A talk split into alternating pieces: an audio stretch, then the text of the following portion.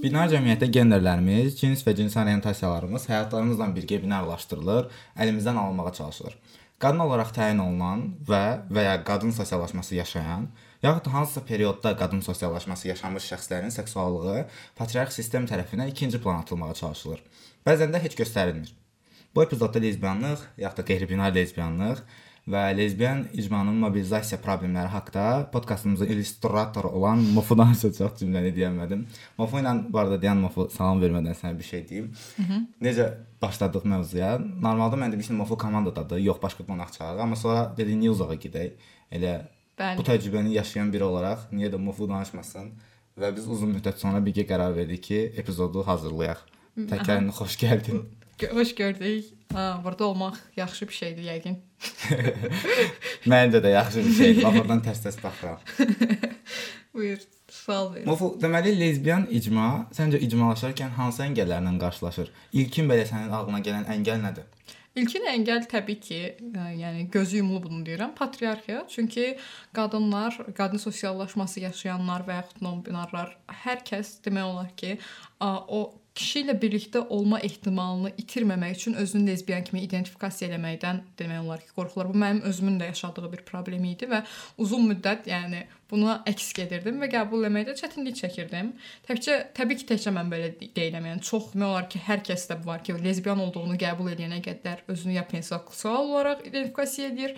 Çox vaxt da belə bir şey, panseksualam, amma demək olar ki, qızlardan xoşum gəlir. Belə bir şeydir. Mənim bununla bağlı bir təcrübəm var. Bu lezbiyan ya da ki, qadın sosiallaşması yaşayan insanın təcrübəsi deyil, Hı. amma bənzər bir təcrübə deyə bilərəm. Mən daha əvvəl deməli Facebookda yazmışdım ki, şəxs özünə qeyd etməkdən çəkinir, amma özünə biseksual deyir. Amma bunu biraz daha məzəli tərzdə yazmışdım. Düz bu biraz fobik ifadə idi deyə açığı bunu sildim. Çünki bir fob ifadə idi. Amma mən bu məqsədlə təbii ki yazmamışdım və məqsədim orada əslində insanların öz seksuallıqlarını açıq şəkildə ifadə etməkdən çəkinməsi və orada kişidən də xoşum gəlir deyərək özlərini belə iki hissəyə ayırmağa çalışması ki, bu da var amma bu da var. Çünki əslində daxili yəni, fobiyalardan yaranan qorxudur fikirləşirəm. Şey demək kimidir ki, baxın mən də normalam, mən də sizdənəm, məni hə. də qəbul eləyin. Eynən bunu əslində vurğulamamız bu mən düşünmürəm ki, bifobiyadır və izləyənlərdən kimsə bunun bifobiya olduğunu düşünürsə, birbaşa olaraq elə yaza bilər və biz bunu müzakirə də edə bilərik. Hətta növbəti epizodlardan birinin mövzusu da bəlkə bu ola bilər. Bəli. Amma mən fikirləşirəm ki, bu daxili homofobiyalarımız da bifobiyadır. Ümumiyyətlə daxili fobiyalarımız barəsində özümüz özümüzü belə tənqid eləmək, yaxud da özümüz haqqında bir sorğulama aparmağımız vacibli bir period ola bilər deyə fikirləşirəm. Və bir dənə əslində bununla bağlı davam gətirim suala. Səncə lezbiyanların seksuallığı ikinci plana atılırmı?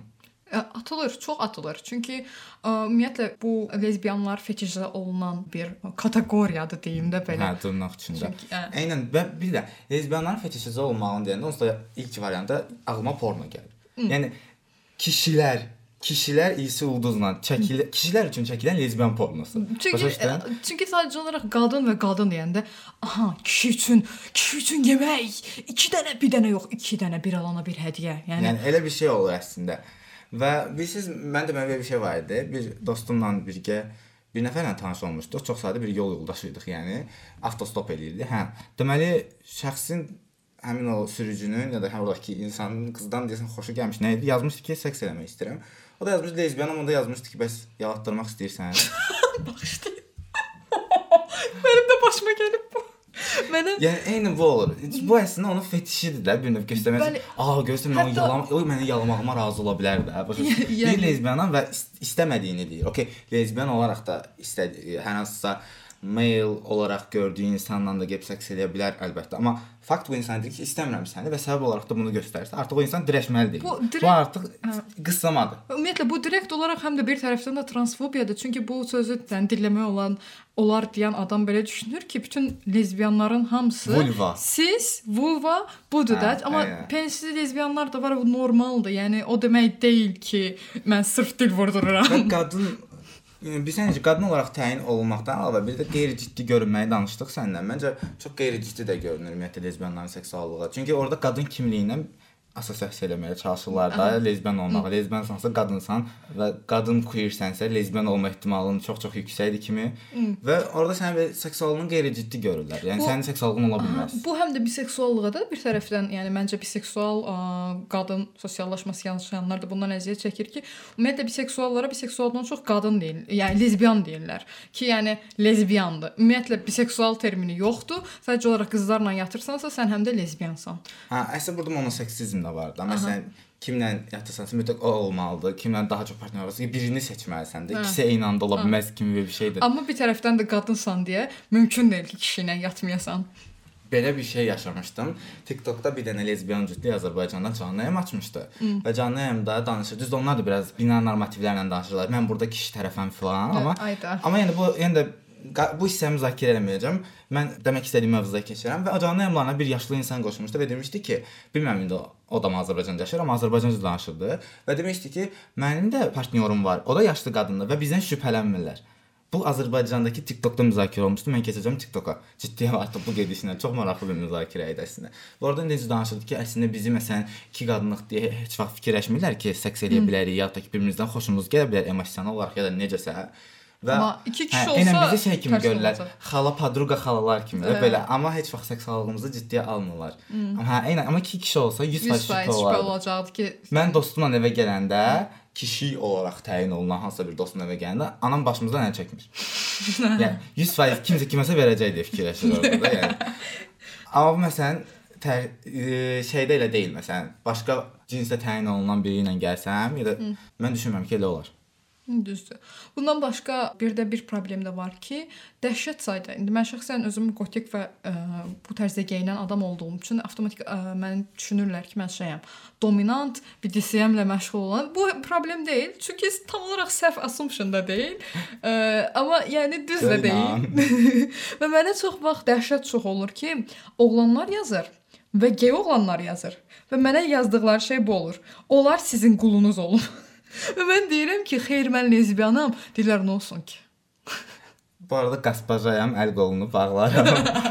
Twitter akkaunt atacağam.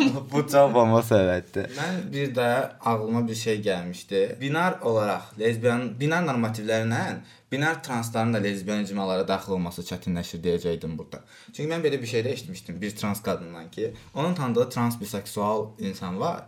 Yoxsa trans lezbiyan idimi? Unutdum. Nəysə, şəxsin hansısa qadın olaraq təyin olunan insanlarla da seksuallığı var, amma bu onu ifadə elədiyi üçün ümumiyyətlə lezbiyan icmaya girmək keç, trans icmada ona şey kimi baxırlar belə, yanıq kimi ya da ki, hələ də kişi olan insan kimi baxırlar. Və adam transition keçirib, onun üçün burada transition keçirdin, qadın oldun. Onlar dediyim əslində burada Trans fobik icma? olaraq yox, fobik olaraq hələ də o binar normativlərlə formalaşan insanlar nəzərdə tuturam və çox təəssüf ki, həqiqətən də trans icmada da bu çox yayğındır. Nə-. Təbii ki, bütün trans icmaları nəzərdə tutmuram. Görünür olan bir trans icmada bu çox yayğındır və həmin şəxs həmin icmadandır. Və belədir ki, hə, ona deyir də ki, sən yəni hələ də kişilik şey var da səndə, çünki sənin qadınlardan da xoşun gəlir. Qadınlardan xoşun gəlir. Və bu hətta, hətta trans icma ilə də yaxınlaşa bilmirdi. Və ki, seksist icmadan da həmin insan həm də və onlarda da şey kimi baxırlardı ona. Hmm, qadınla da yatır. Onu falan. keçdim. Yəni trans icmadan onu alırsa, ümumiyyətlə lezbiyan icmadan da bir başqa fobiklik yeyir ki, bəs penislidir və penis ə, çox vaxt əgər bir qadında penis varsa, bunu ciddiyə almırlar. Ümumiyyətlə qadın kimi görmürlər və ə, çox vaxt lezbiyanlarda da bir ə, ingilis termində əslində bu gold star deyirlər. Gold star lezbiyan, yəni penislə ə, intim əlaqədə olmamış lezbiyanlara deyirlər. Yəni hətta bunun üçün termin belə var. Və bu söyüş kimi istifadə olunmur. Yəni ki, yəni artıq bir-birini təhqir etmək üçün istifadə edilir. Sadəcə olaraq kimsə deyir ki, mən gold star lezbiyanam, yəni mən penislə əlaqədə olmuram. Bu çox qəribə şəkildə deyərdim ki, bir qoyulan əngəl, Baryer Aha, kimi. hə, baryerdir ki, yəni sənin penisin var, biz səninlə birlikdə olmayacağıq, sən əsl qadın deyilsən. Əsl seksualımız da oralara endirirlər. Bax, penis vulva içərisindən çıxartmamağa Bir də çalışırlar. gender cins mövzusu dəhşət pis. Aynən, ə, çox bir-birlərinə salıblar söhbətləri. Və belə bir şey də var. Deməli, mən açıq tənqid eləyəcəm. Deməli, Azərbaycanda feminist hərəkətdən hərəkətdə görünür olan bir nəfər, nəsə Gülnara Mehdiyeva. Bu çox əsriyədir. Twitterdə belə bir ə, müzakirə açmışdı ki, bu əslində mən ə, bunu lezbiyan mövzusuna da bağlayacağam. Çünki həqiqətən çox təəssüf olsun. Buna da hiss edirəm ki, lezbiyanlar qadın olaraq təyin olunurlar və burada lezbiyanlıqdan belə danışılması çox qəlizdir. Və burada çünki kişilər üzərindən danışılmışdı. Amma bunun məncə lezbiyanlıq mövzusundan çox əlaqəsi var. Deməli yazmış ki, mənim heteroseksualam cishet, amma kişilərdən xoşum gəlir. Amma amma trans kişilərdən xoşum gəlmir. Çünki onların pensi yoxdur kimi bir bir cümlə idi, səhv xatırlamıramsa, ümid edirəm ki, səhv xatırlamıram, elə idi yəni. Və bu hətta bir trans qadına yazmışdı ki, bunun fobik olduğunu, çünki sən həm insanlara şeydə kişi görmürsən çünki. Hmm. Mövzu budur. Və əslində bunu eynisini məncə trans qadın ya da ki, trans olan və lezbiyan olan insanlara da eləyirlər kimi gəlir Aha, mənə. elədir. Belə feminist hərəkət demişkən deyəm biraz da girək qoy. Şey demiş, qabına salaq biraz.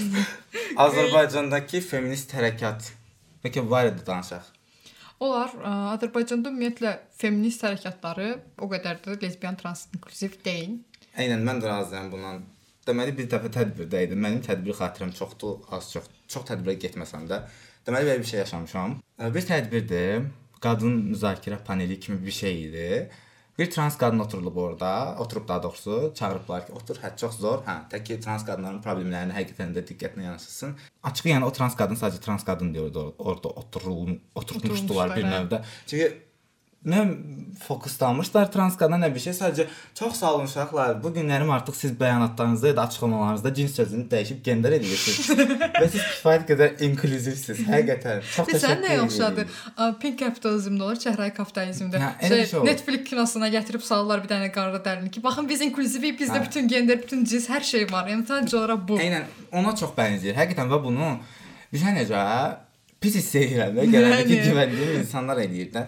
Necə mən təbii ki də onları çox da yargılamıram. Yargılayıram da. Yargılayırıq. Mən də yargılayıram. O mənada demək istəmirəm. Sadəcə bəlkə də elədiklərinin fərqində deyillər, amma məncə olmalıdılar artıq. Bu, Yəni- bu sənin transfobiyana keçid deyil. Məncə icmada əsas üzrə fərqindəsən yenə və və məsələn də həmin o tədbirdə olan insanlar LGBT təşkilatları ilə çox da əlaqəli insanlardılar deyə xüsusən xüsusən mən buna razı deyiləm ki, belə bir şey eləsinlər.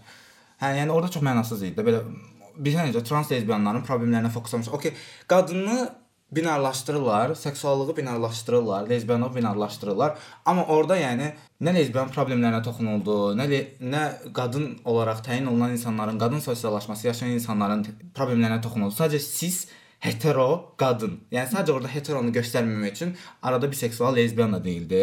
Nə yaxşı da deyildi, hə, belə. Çox sağ Belə ki, olun. siz demək yerinə qadınlar dedilər, yəni başa düşdü? Yəni siz də desəydiniz də tam olacaq. Seksual kliplər və pornolar ağlıma birdən gəlir yenə. Seksual klip, məsələn, lezbiyanları orada belə fetişizə edib kliplərə qoyublar. Ağlına nəsə gəlir bununla bağlı? Təbii ki.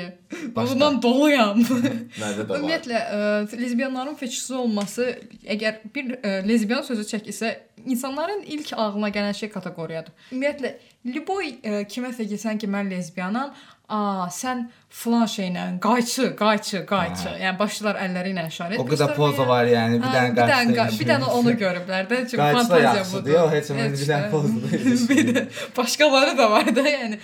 Və ə, ümumiyyətlə lezbiyanlar nə mediada görünür deyil. Çünki ə, yenə sadəcə olaraq kateqoriya olaraq mövcuddurlar ki, lezbiyanlar kişilərin fantaziyaları üçün var və özlərinin özünün seksuallığı deyil bu. Deməli belə bir şey klip deyəndə şey yadıma düşür. Albinanın təksən klipi yadıma düşür. Adam lezbiyan sevgidən belə mən ilkin baxışda o təəssüratı almışdım ki, lezbiyan sevgidən falan danışır. Sonra çıxıb BBC-yə müsahibə vermişdi ki, yox, prosta kişi gəlməmişdi deyə mən də ora qız qoydum, qızlar belə öpüşdülər, qəşəng göründü. Yəni belə qəribə bir şey. Buna necə fetişizə olunduğunu görürük və çox fobik bir klipə çevrildi gözümdə o tamamilə. O fobik imiş. Sadəcə biz bunu görmədik, çünki üstünü belə simlə bəzəyiblər, rainbow simləri ilə görünməsin deyə. Çox iyrənc idi yəni. Çox pis idi. Və bu yaxınlarda bir dənə də bir klip gördüm. Bir dənə Azərbaycanlı müğənni, konkret toy müğənnisi idi və amma klipdə lezbiyan insanları oynatmışdı. Belə lezbiyan cütlük göstərimi vermişdi, daha doğrusu. Və açıq mənə çox belə ciddi pinkwashing kimi gəlir. Çünki daha sonra çıxıb şey eləmişdi. Çox fobik ifadələrlə danışmışdı ki, hə onlar da insandır kimi bizi yazıqlaşdırmışdı. O, Bunlar da mövcuddur da. Nə olar ki? Bunlar Allah var. belə Hə, yaradıb da. bu- Və bir də belə bir şey də görürəm. Bu bəlkə də patriarxanın bizə verdiyi belə dırnaqarası bəxşiş də ola bilər. LGBTQ personajlar yaratmağa çalışanda səncə Tragik anası ölüb, atası ölüb, Hə, döyülüb. Orası, eynən, orası razı və bir də orada heç vaxt dırnaq çəkəni izah edir. Gay olaraq təyin olunan ciddi qoymurlar, lezbiyanı qoyurlar həmişə.